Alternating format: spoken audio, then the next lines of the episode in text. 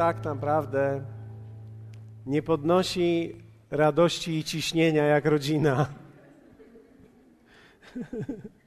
Kto z Was może powiedzieć, że naprawdę rodzina to jest, to jest piękno, a jednocześnie potencjał wszystkiego?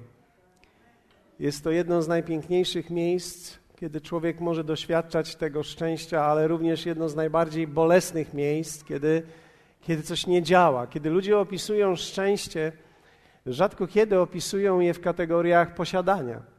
Kiedy ludzie opisują szczęście, rzadko kiedy opisują i mówią: Mam teraz dom, i teraz mam samochód, i, i teraz wyjechałem na wakacje.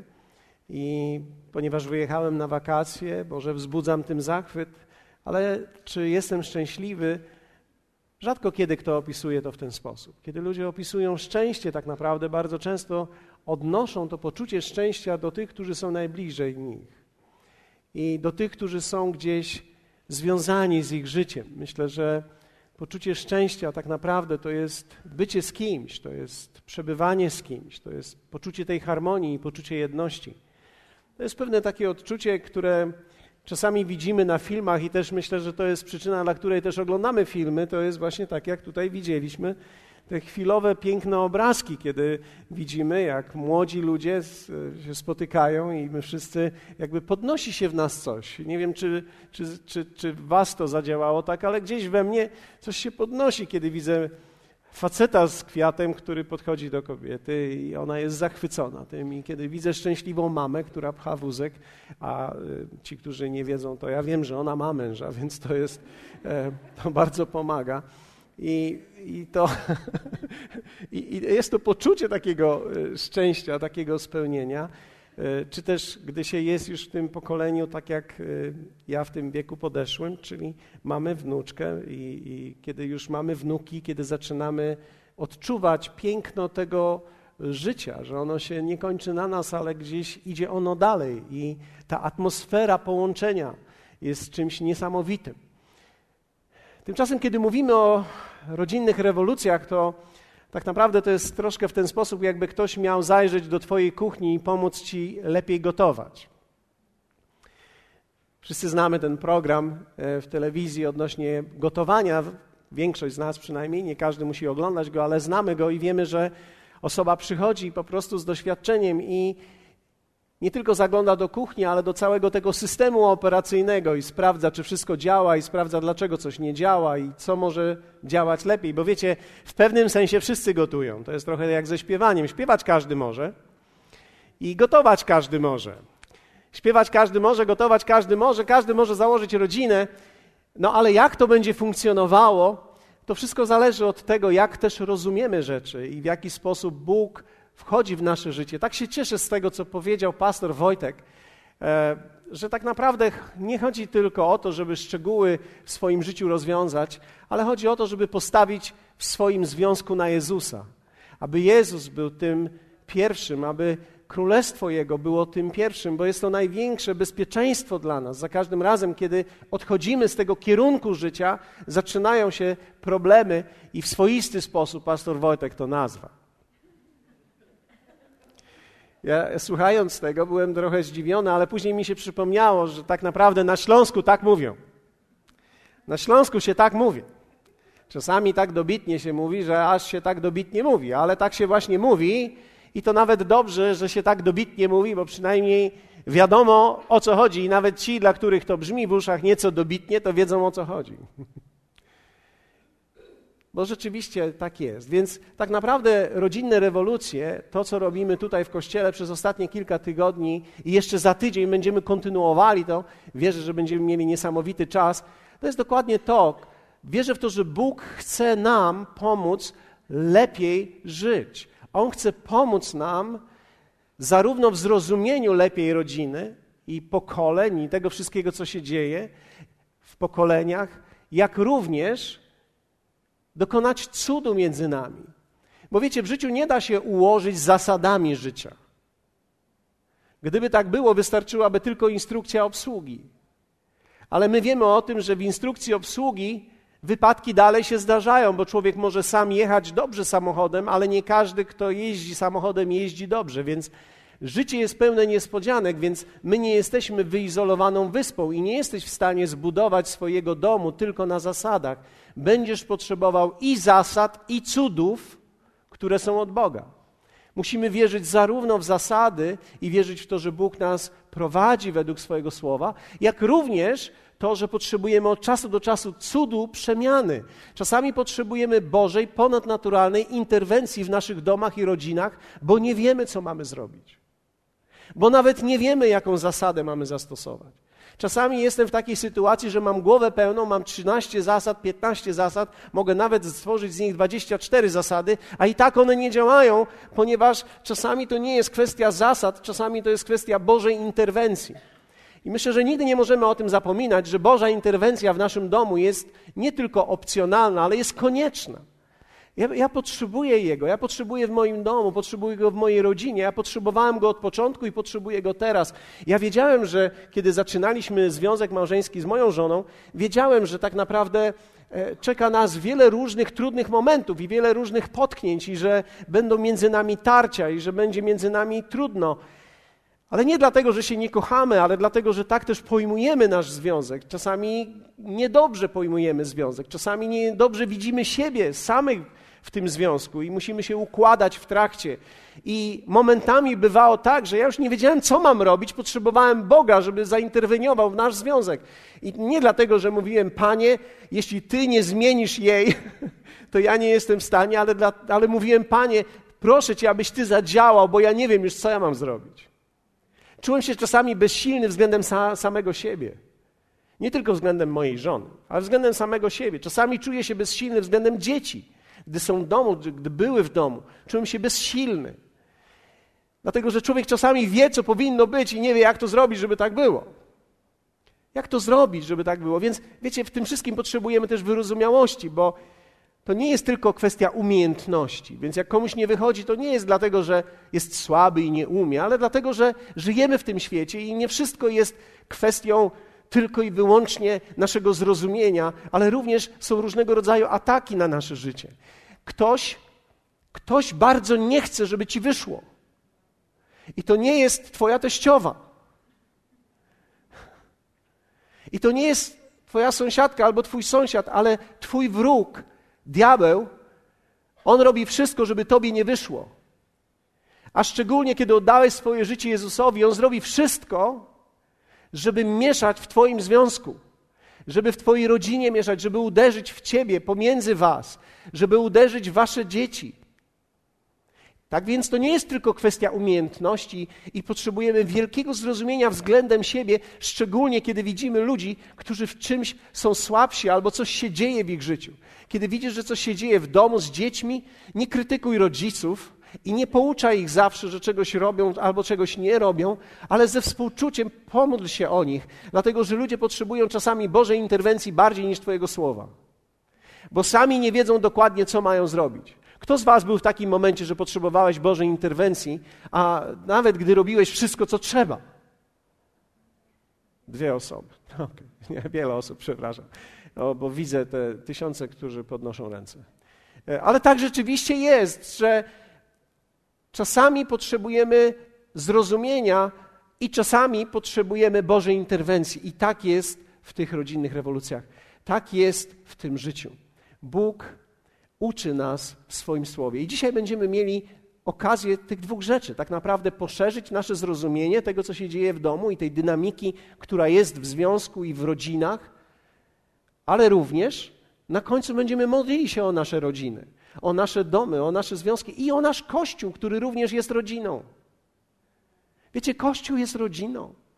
I dlatego też nie jest tak łatwo, szczególnie kiedy ktoś jest już dłużej w kościele, jest to trudne, ponieważ Kościół reprezentuje rodzinę i nie da się czasami powiedzieć, że coś jest łatwe, bo nic nie jest łatwe.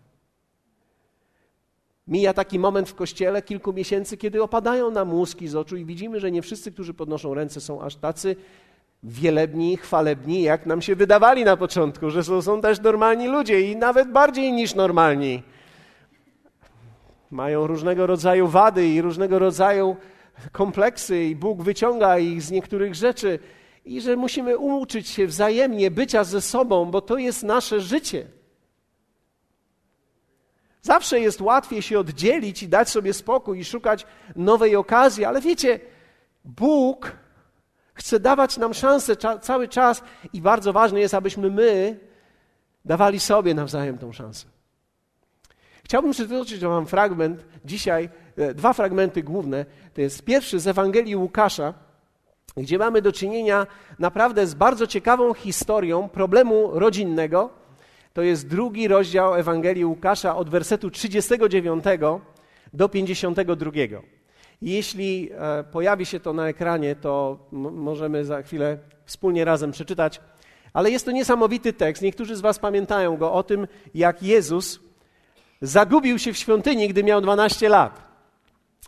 Treść tego tekstu jest niesamowita. Ona mówi o wielu rzeczach, ale chciałbym, żebyście się wsłuchali przez chwilę i zobaczyli tą scenę.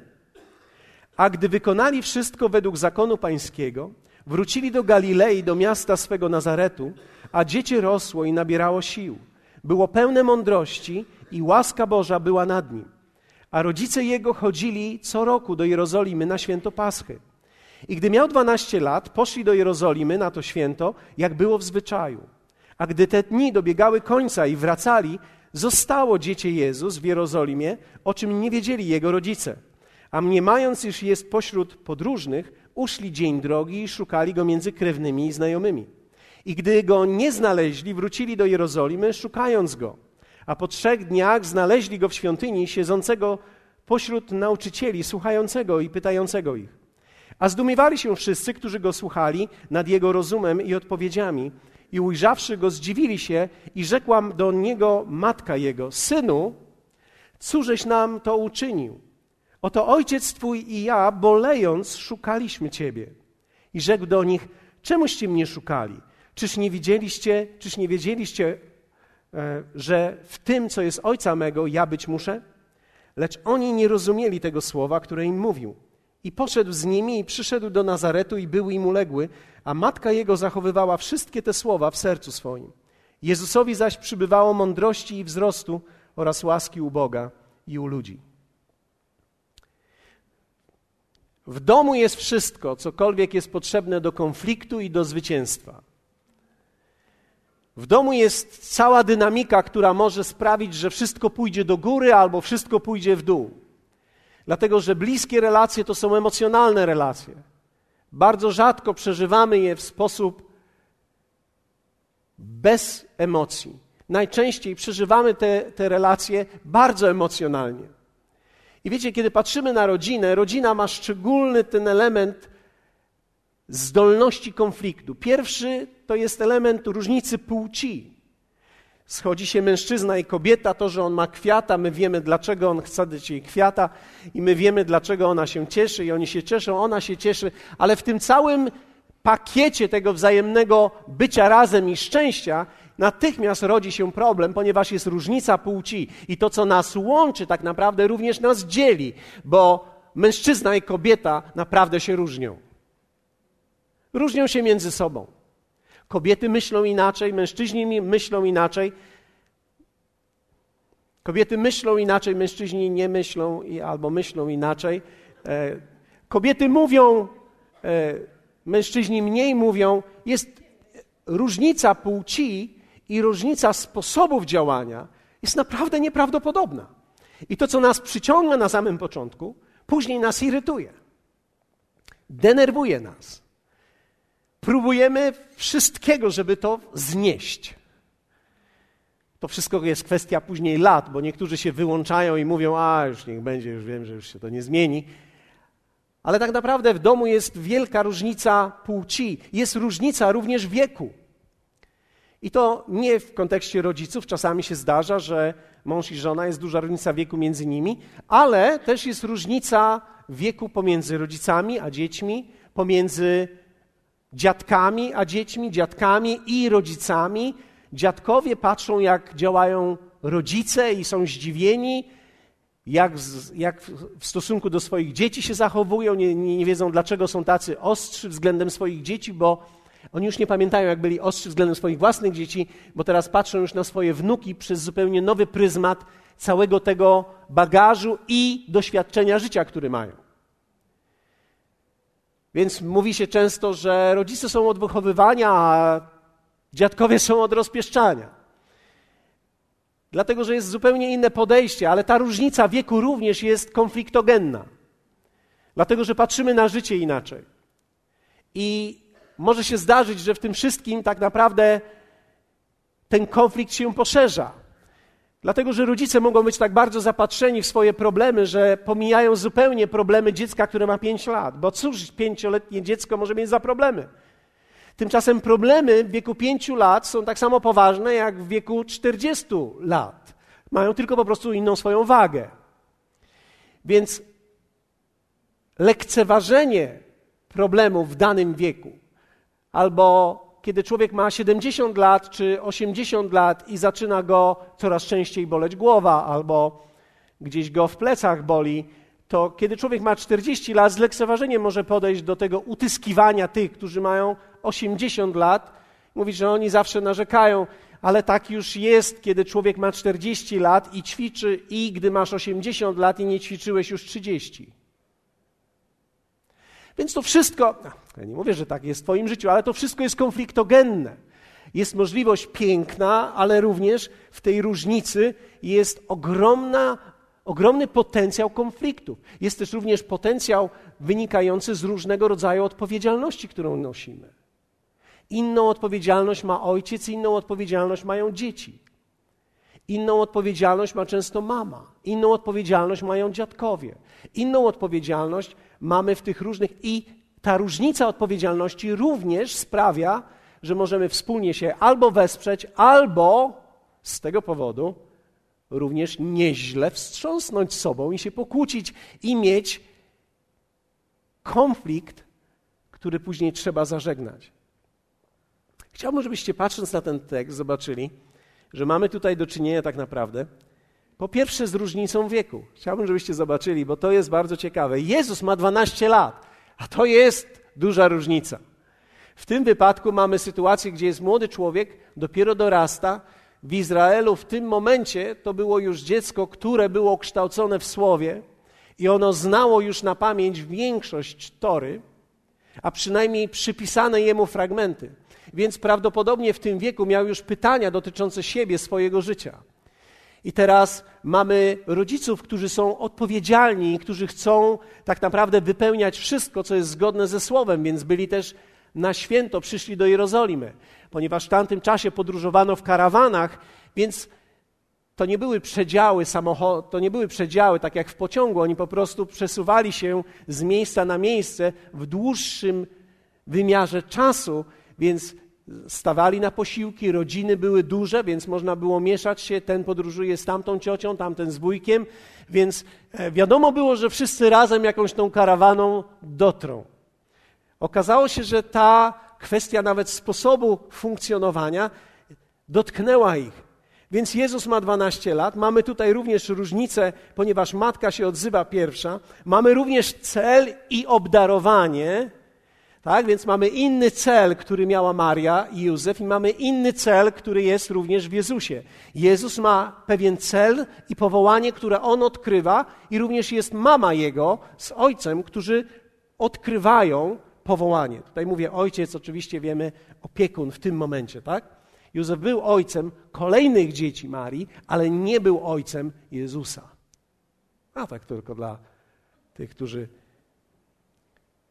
czytają Biblię bardziej szczegółowo. Więc każdy konflikt powoduje emocje. Każdy. I konflikt wzmaga również gniew, poczucie złości. Dzisiaj chwilę też chcę o tym powiedzieć. Powstało napięcie. Nie wiem, czy czytacie to napięcie, ale w tym domu powstało napięcie. Cóżeś nam to uczynił? Inaczej mówiąc, co zrobiłeś? Co zrobiłeś? Dlaczego tak nam to zrobiłeś? Cóżeś nam to uczynił? Nie tylko cóżeś uczynił, ale cóżeś nam to uczynił. To jest zaadresowane, jest, jest uderzone to, co Jezus zrobił, nie tylko, nie tylko to, co zrobił Jezus, ale jeszcze przeciwko komu to zrobił. Więc, że zrobiłeś, to jeszcze w nas tym uderzyłeś, co zrobiłeś. Nie tylko źle zrobiłeś, ale jeszcze co nam zrobiłeś. Zwróćcie na dramaturgię tych słów. Cóżeś nam uczynił? Mamy również w tym tekście wymianę argumentów. Nie ma to jak wymiana argumentów. Jezus nie pozostaje w pewnym sensie dłużny i odpowiada: Czyż nie wiedzieliście? Czyli on również wychodzi z argumentem, nie kładzie uszu po sobie, tylko odwraca się i mówi: Czyż nie wiedzieliście, czy nie wiedzieliście, że powinienem być w tych sprawach, które należą do mojego ojca? Wydawałoby się to klarowne, bo przecież ktoś inny jak mnie, właśnie Maria, była tą, która była nawiedzona przez anioła, który przyszedł do niej i powiedział: Poczniesz i porodzisz syna. Więc ona dobrze wiedziała, jakie było jej poczęcie, że było ponadnaturalne i że Jezus jest ponadnaturalnym Mesjaszem i jest Synem Bożym. Ale wiecie, w życiu czasami Bóg działa, ale my zapominamy, że On działa. Wiecie, życie jest tak pełne naturalnych rzeczy. Trzeba gotować, trzeba iść spać, trzeba wstać, trzeba coś zrobić, trzeba pchnąć e, samochód, bo, bo się zatrzymał. Wiecie, życie jest pełne naturalnych rzeczy, tak że człowiek często zapomina o ponadnaturalności tego wszystkiego, co się wydarzyło. Kto z Was miał taką sytuację, że czułeś, że Bóg połączył cię z Twoją żoną albo z Twoim mężem? Czyż to nie było niesamowite? Bóg nas połączył. Jak mogliśmy się złączyć? Nie mogliśmy się złączyć, a to Bóg nas złączył. I zobaczcie, po latach dziesięciu i piętnastu to wszystko jakoś tak jest w kołdrze nam się skotłuje. W tych zupach nam się i kotletach nam się to splącze ze sobą. Jakoś tak już nie widzimy tego Bożego połączenia, tylko teraz widzimy te wady, które mamy i te trudności, które mamy ze sobą, i że to jest takie ciężkie. Najpierw czuliśmy, że to Bóg nas łączy, ale w trakcie to się gdzieś zagubiło. I Marii po dwunastu latach również się zagubiło. Marii się zagubiło to, że Jezus ponadnaturalnie został poczęty i że jego urodzenie było czymś niesamowitym, i później przez te lata, przez te kotlety i te zupy i te czynsze, i te drogi różne, i teraz kupienie nowego samochodu, a teraz trzeba sprzedać ten stary, więc się modlimy, żeby sprzedało się stary, żeby się sprzedał. Więc y, Maria sprzedała z Józefem parę starych samochodów, kupili parę nowych samochodów.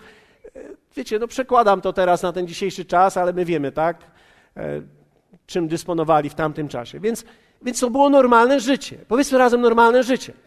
W normalnym życiu człowiek gubi tą ponadnaturalność i rodzi to pewnego rodzaju konflikty. Więc dochodzi do napięcia. Cóżeż nam to uczynił?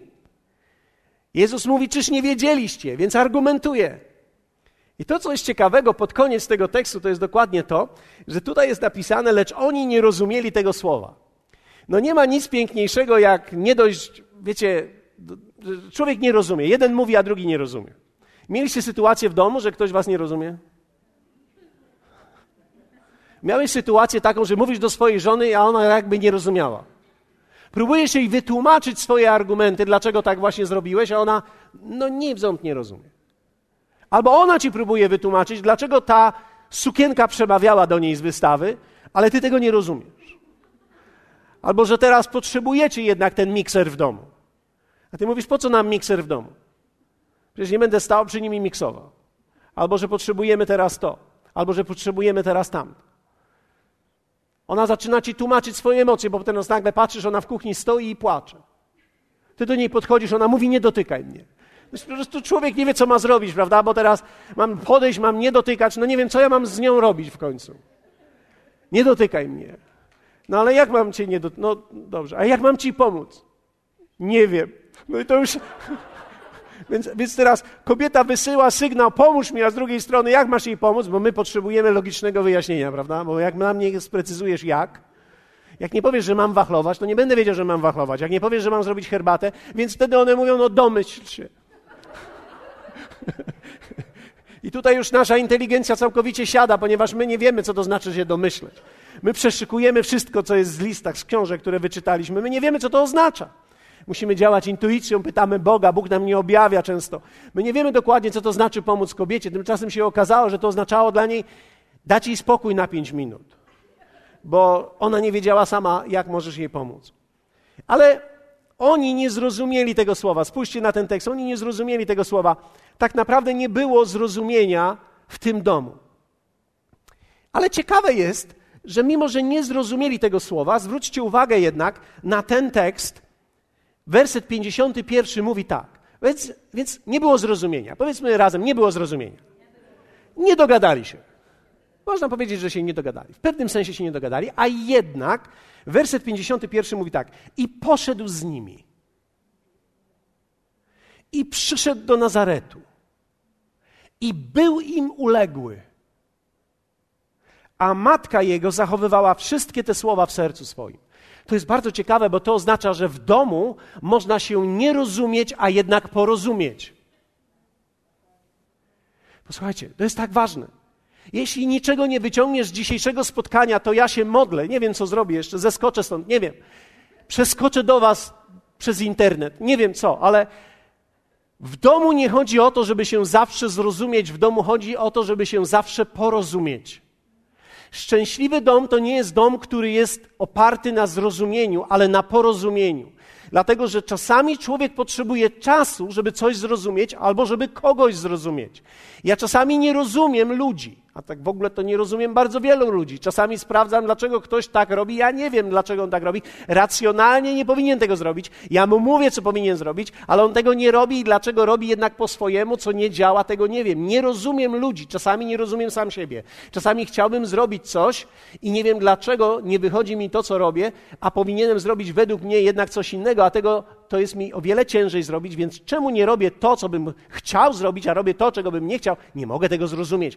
Więc człowiek sam siebie nie może zrozumieć, a jednak musi z sobą dojść do porozumienia. Człowiek czasami nie potrafi drugiej osoby zrozumieć, a jednak musi umieć w tym niezrozumieniu dojść do porozumienia. Porozumienie w domu jest ważniejsze niż zrozumienie. Dlatego, że miłość nie jest oparta na wiedzy.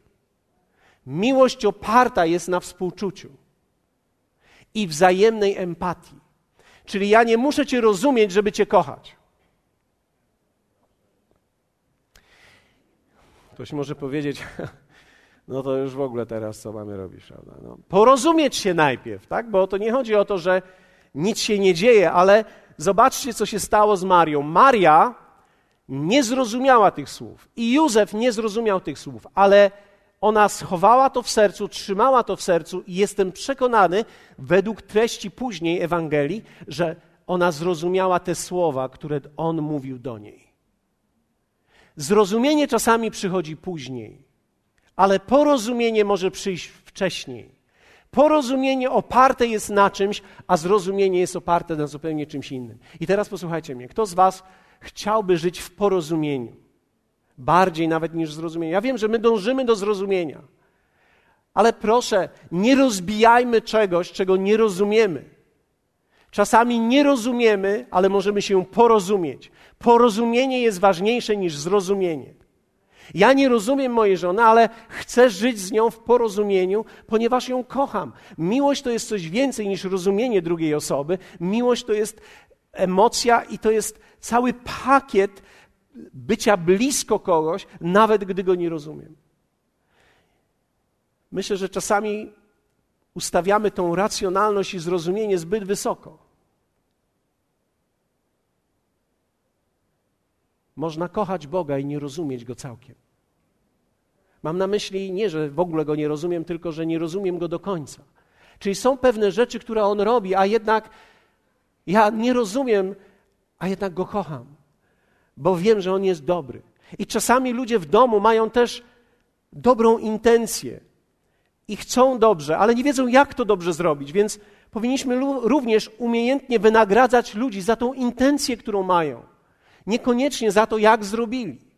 Dlatego, że wierzcie mi, każdy człowiek w życiu maluje laurki, które są brzydkie, które chcą, każdy chce, żeby ktoś je pochwalił. Człowiek może mieć 50 lat i też będzie malował laurkę. Ona będzie wyglądała inaczej, gdy miałeś 3 lata, ale będziesz malował laurkę w postaci dokonywania różnych rzeczy i chciałbyś, żeby ktoś rozpoznał intencję i Twoją miłość i żeby to wynagrodził, niekoniecznie to zrozumiał. Każdy człowiek. W wieku 30-40 lat może oznaczać, że zmywasz naczynia i to jest Twoja laurka. Albo idziesz i pierzesz dywan. Albo układasz w szafie. Albo pytasz, czy może przynieść ci herbatę. I teraz zobaczcie, porozumienie jest wyższe niż zrozumienie, i tu nastąpiło porozumienie, nawet gdy nie było zrozumienia, dlatego że fundamentem rozwijającego się domu jest szacunek. Skontrastuję to w ten sposób. Wszędzie tam, gdzie będzie szacunek, będzie wzrost. Wszędzie, gdzie będzie pogarda, będzie rozłączenie, konflikt i upadek. Wszyscy, każdy z nas, jak tu siedzimy i jak siedzimy gdziekolwiek siedzimy, bo tam ci różnie siedzą, byliśmy zanurzeni w słoiku i zakręceni w pogardzie. Pogarda była częścią naszego życia. Nauczyliśmy się pogardy. Później wyrośliśmy i zaczęliśmy funkcjonować i zobaczyliśmy, że pogardą nie idzie tak życia pchnąć do przodu, więc nauczyliśmy się trików szacunku, mimo że czasami szacunek tak naprawdę nie był nigdy w nas. Dopiero nowy człowiek, który powstaje w Chrystusie, on jest możliwy, żeby powstał w nas w wyniku właśnie szacunku. Dlatego drugi fragment, który chciałbym, żebyście przeczytali ze mną razem, to jest fragment z przypowieści Salomona z dziewiątego rozdziału, werset dziesiąty. Początkiem mądrości jest bojaźń Pana. Ten tekst mówi, to jest niesamowite, co Słowo Boże mówi. To jest niesamowite, co Biblia w ogóle objawia. Zachęcam Was do czytania codziennego, bo ona jest nieprawdopodobna. Ona mówi mądrość, czyli to wszystko, co życie buduje, początek tego to jest, tu mamy bojaźń Pana, ale my wiemy, co ta bojaźń oznacza. To nie jest lęk, to jest szacunek. To jest najwyższy wymiar szacunku. Szacunek. Powiedzmy razem to słowo szacunek. Bylibyście zdziwieni, i ja, tak jak ja, ja byłem zdziwiony i jestem często zdziwiony, jak pogarda potrafi się ukryć.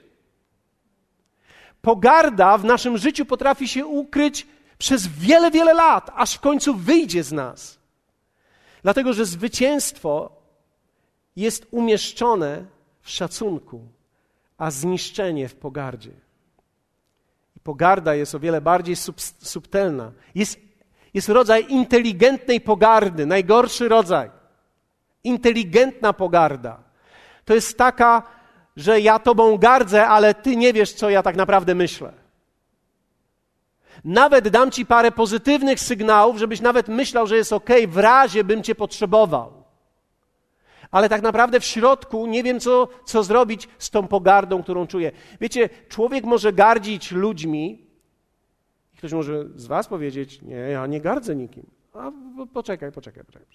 poczekaj. Ja, ja, ja rozumiem. Bo, bo nam się kojarzy często pogarda z wyzywaniem kogoś. Ale wiecie, to już jest ostatnie stadium. To jest już ostatnie stadium, to już jest przekwitły motyl. Już taki motyl, który już na, na ostatnich oparach leci, tak. Ale pogarda ma swoją inną formę. Gąsienicy. Ukryta. I ona wygląda zupełnie inaczej. Jak wygląda ta pogarda? Obojętność. Obojętność to jest pogarda. Ukryta pogarda. Wiecie, kiedy człowiek mówi, a co mnie obchodzi, co u niego? A co mnie ludzie obchodzą? To jest pogarda do ludzi. Bóg tego nie ma. Kto z Was cieszy się, że Bóg nie ma w niebie tego typu postawy? Bóg nie powiedział, my jest dobrze, tu w niebie, a co mi tam ludzie, mnie tam ludzie nie obchodzą. W Bogu tego nie ma. I w Chrystusie tego nie ma. I w nowym człowieku tego nie ma. Ale w starym człowieku i w starym sposobie funkcjonowania, w starym myśleniu pogarda jest czymś normalnym. Byliśmy wychowani na pogardzie, byliśmy wychowani często na pogardzie w naszym domu i w otoczeniu i stosunku domu do otoczenia, i to przeniknęło nas tak bardzo, że nawet nie wiemy o tym, że włożyliśmy to w nasze własne domy. To jest właśnie to obojętność i pominięcie. Nie zauważam kogoś. Pogarda ma wiele wymiarów. Idę sobie sam zrobić herbatę. Robię sobie herbatę. I ktoś może powiedzieć, no ale człowieku, no nie rób z igły widły. I poszedłem sobie tylko zrobić herbatę. No właśnie, ja nie robię z igły widły, ja mówię, że to jest igła. Widły to już jest coś innego. Ja mówię, że to jest igła, i teraz ta igła, wiesz co ona będzie robiła? Będzie przebijała wszystko, cokolwiek będziesz chciał dobrego zrobić. Dlaczego? Bo kiedy idziesz sobie sam zrobić herbatę, a jest was dwoje w domu, to już jest pogarda. Szacunek, posłuchajcie mnie, szacunek zawsze pyta. No nie przesadzaj, moja żona dobrze rozumie, że jak jest sobie zrobić herbatę, to ona w tym czasie nie lubi pić herbatę, więc ja sobie sam robię herbatę. Tak ją bardzo dobrze rozumiesz? Ok. Ja rozumiem, że nie musisz jej zapytać i ona się nie obrazi. Ale pomyśl, jaki byłby efekt, gdybyś powiedział, kochanie, idę sobie zrobić herbatę. Czy zrobić ci herbatę? Gdy nawet ona odpowie za 105 razem, kochanie, przecież dobrze wiesz, że ja nie piję o tej porze herbaty. A ty powiesz, tak, wiem, kochanie, ale pomyślałem, że może coś się zmieniło i byś chciała dzisiaj wypić tą herbatę. Twoja wrażliwość na drugą osobę, szacunek względem drugiej osoby, objawiony w ten sposób, tworzy nieprawdopodobną przestrzeń do budowania jedności i świętowania siebie nawzajem. Gdy wchodzisz do domu, cześć, cześć. Nikt nie wychodzi, żeby cię przywitać, tylko pies. I to jeszcze jak, jak cię lubi. Szacunek to jest to, że kiedy ty wchodzisz do domu, zawsze ci, którzy są w domu, wychodzą, żeby cię przywitać. Ale oni siedzą, oglądają film. Niech zatrzymają i zrobią pauzę. Dlaczego? Ktoś może powiedzieć, no ale jaki to jest problem? Ja tylko wejdę i sobie zrobię e, e, herbatkę i sobie usiądę obok nich. No ale co ty człowieku, w kinie jesteś? Ty jesteś w domu, ty dom budujesz, rodzinę budujesz. Ty nie jesteś klientem w kinie.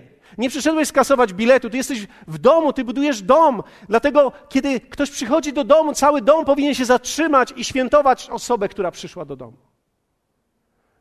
To tyle to w ogóle, to tyle w ogóle zachodu o to, żeby w ogóle kogoś tu przywitać. No właśnie o tym mówię. Wybaczcie mi za. Ach, zresztą. Możecie mieć dzisiaj to przeciwko mnie. Powiem to. Dokładnie tak jest. Pamiętam, kiedy pojechałem e, pierwszy raz do Stanów Zjednoczonych wiele lat temu. I biegam. Więc Ubrałem się w dresy i wybiegam. I mijam ludzi. Tam nie ma chodników w bardzo wielu miejscach, ale mijam ludzi. Każdy z nich, każdy podnosi rękę, hi. I na początku myślałem sobie tak, ci Amerykanie to naprawdę słodzą wszędzie. No, oni się ze wszystkimi witają, zawsze hi, how are you? Aż któregoś dnia, gdy siedziałem i modliłem się, uderzyło mnie to że tak naprawdę to nie oni są chorzy, tylko ja jestem chory i w chorym społeczeństwie wychowane, które przechodzi obok drugiego człowieka i go nie zauważa. Obok sąsiadki przechodzę i nie zauważam. Ludzie, ja teraz powiedziałem, że ja, ale wiecie, ludzie przechodzą, mijają się, mieszkają blisko i nic. Hmm. Niektórych ludzi znasz po twarzy, a nawet jak go nie znasz, nic. A szczególnie, gdy go nie znasz. My jesteśmy nauczeni, jak kogoś nie znasz, to w dół patrz.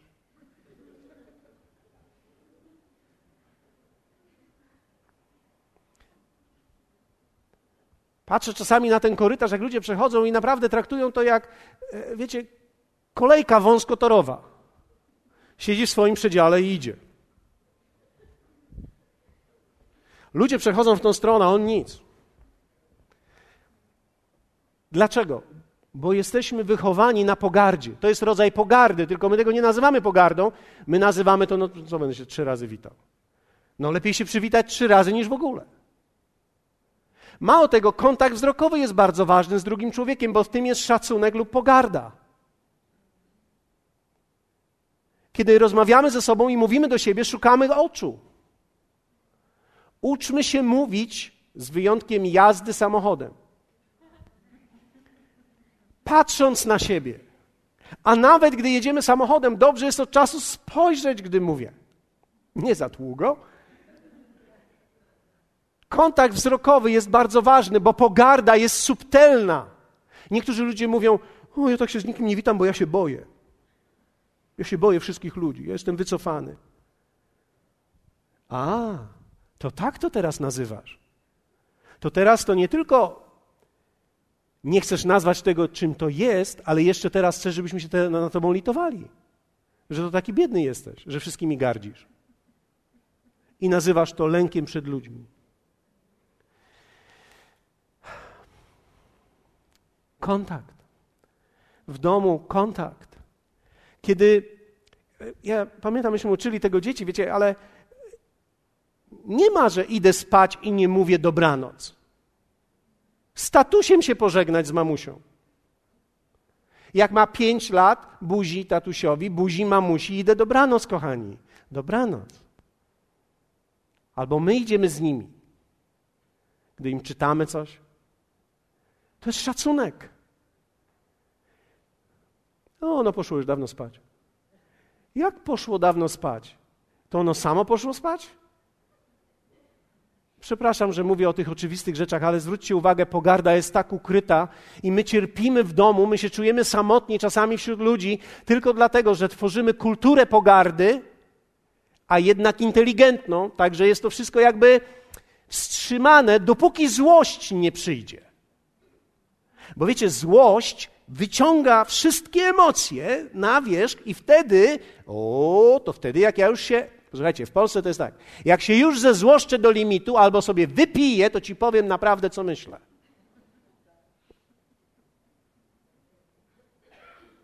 Więc często rodziny, gdy się spotykają na święta i sobie wypiją, może nie wasze, ale gdy sobie wybiją, wy, wypiją, gdy, gdy wybiją, wy, wypiją, gdy sobie wypiją, wtedy często jest największy konflikt, bo mówią naprawdę to, co myślą.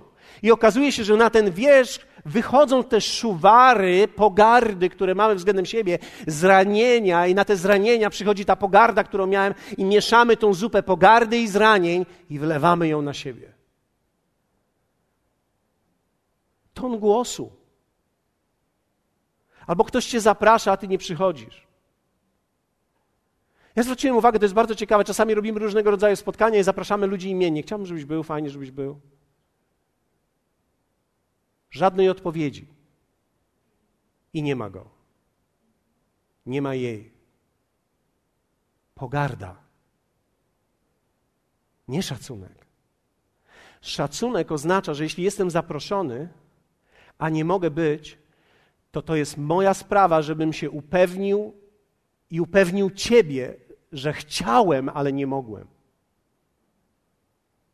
A nie, że mnie po prostu nie ma, a ty sobie sam wytłumacz. Dlaczego? Bo szacunek to jest dbanie również o emocje drugiej osoby. Ja, kiedy szanuję Cię, dbam o to, co Ty czujesz, jak Ty to odczuwasz, staram się, sprawdzam to. Pamiętam, jak kiedyś jeden z misjonarzy przyjechał jak korygował swoje dzieci. Nigdy ich nie korygował, gdy one nie patrzyły na niego, tylko on zawsze mówił: patrz w oczy.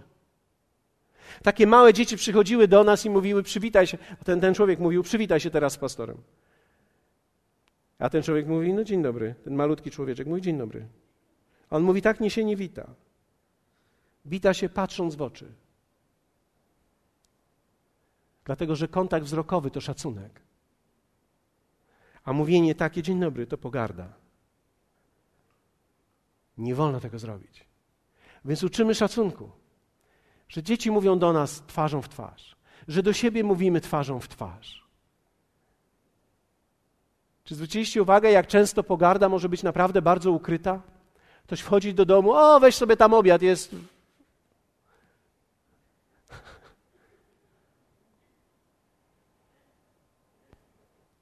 To jest często cynizm. To jest to, że już cię oceniłem źle, ale mam z tobą kontakt, więc jakoś politycznie muszę to zagrać dobrze.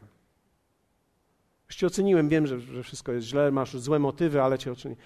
Wiecie, w domu w każdą stronę może być pogarda. Może być pogarda rodziców do problemów dzieci. Co ty masz za problemy? Co ty masz za problemy, jakbyś miał takie problemy, jak ja mam? No, nie wiemy, jak będzie się zachowywał, jak będę miał 40 lat. Ja mam teraz 10. Ja teraz mówię jako adwokat dziesięciolatka. Ja nie mogę mieć Twoich problemów. Ja mam inne problemy. Przepraszam, dzieci przyszły, więc to już jest koniec, już dawno powinno być. Okej. Okay. Ja mam inne problemy. Ale dziesięcioletnie problemy to są tak samo problemy, jak i czterdziestoletnie problemy. Tak samo też patrząc na dorosłych, na starszych, można mieć pogardę w stosunku do starszych osób. Ale wiecie, ja zwróciłem uwagę, że szacunek jest kluczem do budowania wspólnego dobra. Wiecie, moja mama jest tutaj, przyszła w końcu. E, czasami przychodzi, wiecie, jakbyście nie wiedzieli, ale, ale ja, ja zobaczyłem, że Bóg wymaga ode mnie większego zrozumienia i współczucia względem niej i stawiania innych miar niż względem mnie samego. Bo są pewne rzeczy, które człowiek zmienia, gdy ma lat 40, których nie może zmienić, gdy ma lat 70. Gdy ma lat 80. Gdy ma lat 90.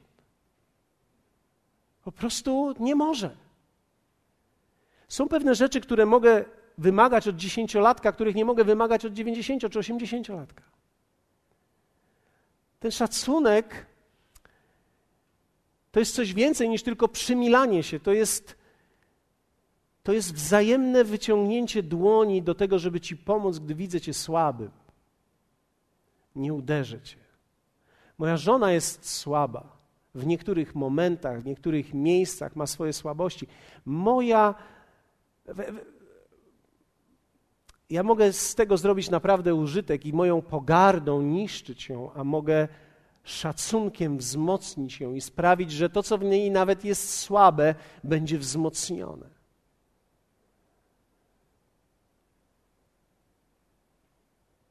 Dom budowany jest na szacunku. Szacunek wygląda zainteresowanie drugą osobą. A więc, co mnie obchodzisz? Obchodzisz mnie. Czasami to jest dokładnie to. Nie pójdę do domu, no bo co ja tu będę siedział przy kawie? Co mnie obchodzą ludzie? Idę do mojego domu. No to jest właśnie szacunek. Szacunek oznacza mnie ludzie obchodzą. Uprzejmość, łagodność względem domowników, a nie tylko autorytetów. To jest również reakcja na korektę. To jest reakcja na pochwałę. To są słowa docenienia, zauważenia. To jest w końcu świętowanie ludzi. Czy w swoim domu jesteś świętowany, czy tolerowany? No, przyszedł. No, poszedł. Albo przyszło. Poszło. Przeszło. Zaszło. No, może mieć dwuznaczne, może być. Zaszło. Ostatnio Oliwia, która jest na szkole biblijnej, nasza córka, zadzwoniła do mnie i mówi: Tato, wiesz co? E, robimy wycieczkę na górę Pikes Peak. No, bardzo dobrze. Ale wiesz co, tato, to będzie samochodem wycieczka i ten, który prowadzi, ma 27 lat. A ja mówię, córcia, czy tam czasem nie zaczął padać śnieg teraz? Tak, właśnie zaczął padać śnieg i góra jest ośnieżona. Ja pamiętam, jak tam byłem, to powiedzieli mi, że tam się nie wjeżdża na tą górę, jak jest śnieg samochodem, ponieważ nie ma barierek.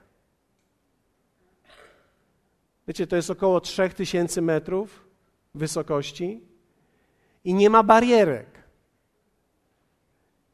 I teraz ja mam do niej 9000 kilometrów i ona mi mówi, że na wycieczkę jedzie na górę. Ja mówię, córcia, nie jedziesz. I wiecie, co mnie ujęło? Ujęło mnie to. Ona powiedziała, dobrze, tatusiu, nie jadę. Wszystko było umówione. Dobrze, tatusiu, nie jadę. Ja nie musiałem jej przekonywać, po prostu słowa nie jedziesz wystarczyły. I ten ton, sposób, w jaki na korektę zareagowała, mnie bardzo ujął. Dlaczego? Bo to oznacza szacunek. Pomyślałem sobie, Panie, dziękuję Ci. Być może ten szacunek uratował jej życie.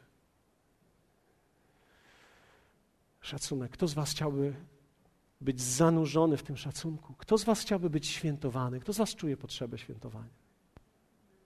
Kto z Was chciałby przyjść do kościoła i tak, no. Wiecie, my czasami, tak, dlatego tak mówię, czasami siadamy tak, no siadłem w kościele i czekam, aż nabożeństwo się skończy. Nie siedź tak. Zobacz, to jest obok. Teraz postanowiłem, że co tydzień będę tu przychodził za 5 11 i będę i będę rozmawiał z ludźmi, którzy przyjdą tutaj. Pogadam sobie z tymi, którzy są. No, są wiecie, są tu zawsze porządni goście. Domownicy, domownicy przychodzą na szóstą piosenkę. Tak naprawdę to jest pogarda, jeśli dobrze przemyślisz. To jest absolutna pogarda, ale my na to nie zwracamy uwagi, my to nazywamy, my się spóźniamy. Wiecie, spóźnianie to jest pogarda. Wyobrażasz sobie, że miałbyś się spóźnić na spotkanie z Obamą? No, gdybyś był zaproszony, mam na myśli. Nie ma znaczenia, czy lubisz prezydenta Dudę, czy nie. Gdybyś miał pójść na to spotkanie, byłbyś za dziesięć. A ja wam mówię, tu jest więcej niż prezydent. Jezus jest tutaj. On jest tutaj, On czeka na nas. On jest, on jest też w tym Ojcu, w tym obrazie Ojca, który na nas czeka. O, ty nie wiesz, ile ja mam dzieci. Ja wiem, że masz dzieci i że musisz się ubrać i że musisz zęby wymyć. Ja wiem. Powiedzieć ci jeszcze, co musisz zrobić? Możesz parę rzeczy zrobić, a niektórych nie zrobiłeś. Bo można było wstać wcześniej i łóżko pościelić. To jest szacunek. To jest szacunek. Na szacunku wszystko rośnie, na pogardzie wszystko umiera.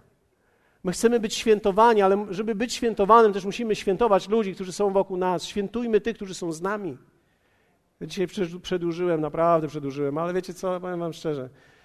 Dzisiaj akurat nie obchodzi mnie ten czas tak bardzo, jak chciałem wam to powiedzieć, że widzę, jak na szacunku wszystko rośnie. Ja nie chcę z moją żoną odliczać rocznic. No, udało nam się przeżyć 28, a ktoś powie, a mi 35. Naprawdę? Ale jak? Ja zobaczyłem, że musimy mierzyć małżeństwa jakoś inaczej niż tylko latami. Bo niektórzy dobiją 40 i świętują 40 i siedzi dwóch obcych ludzi sobie. 40 lat ze sobą, żadnej jedności. Ja chcę mierzyć to dotknięciem dłoni mojej żony, gdy rano się budzi. Gdy odwraca się w moją stronę i mówi: Kocham cię.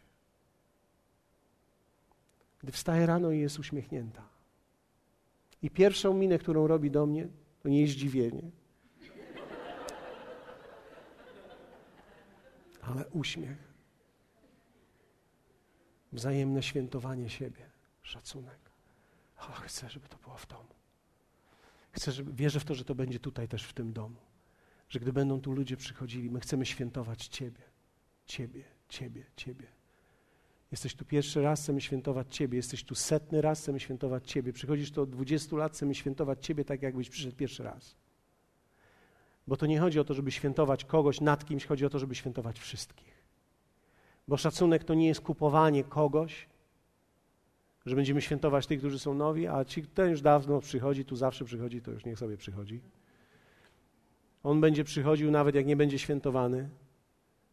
No właśnie, ale jak on będzie żył? On nie będzie kwitł, on nie będzie cieszył się, że żyje, że jest. On będzie z wierności przychodził. I on może nawet dotrwa do czterdziestki małżeństwa z Kościołem. Ale to nie będzie życie. したんや。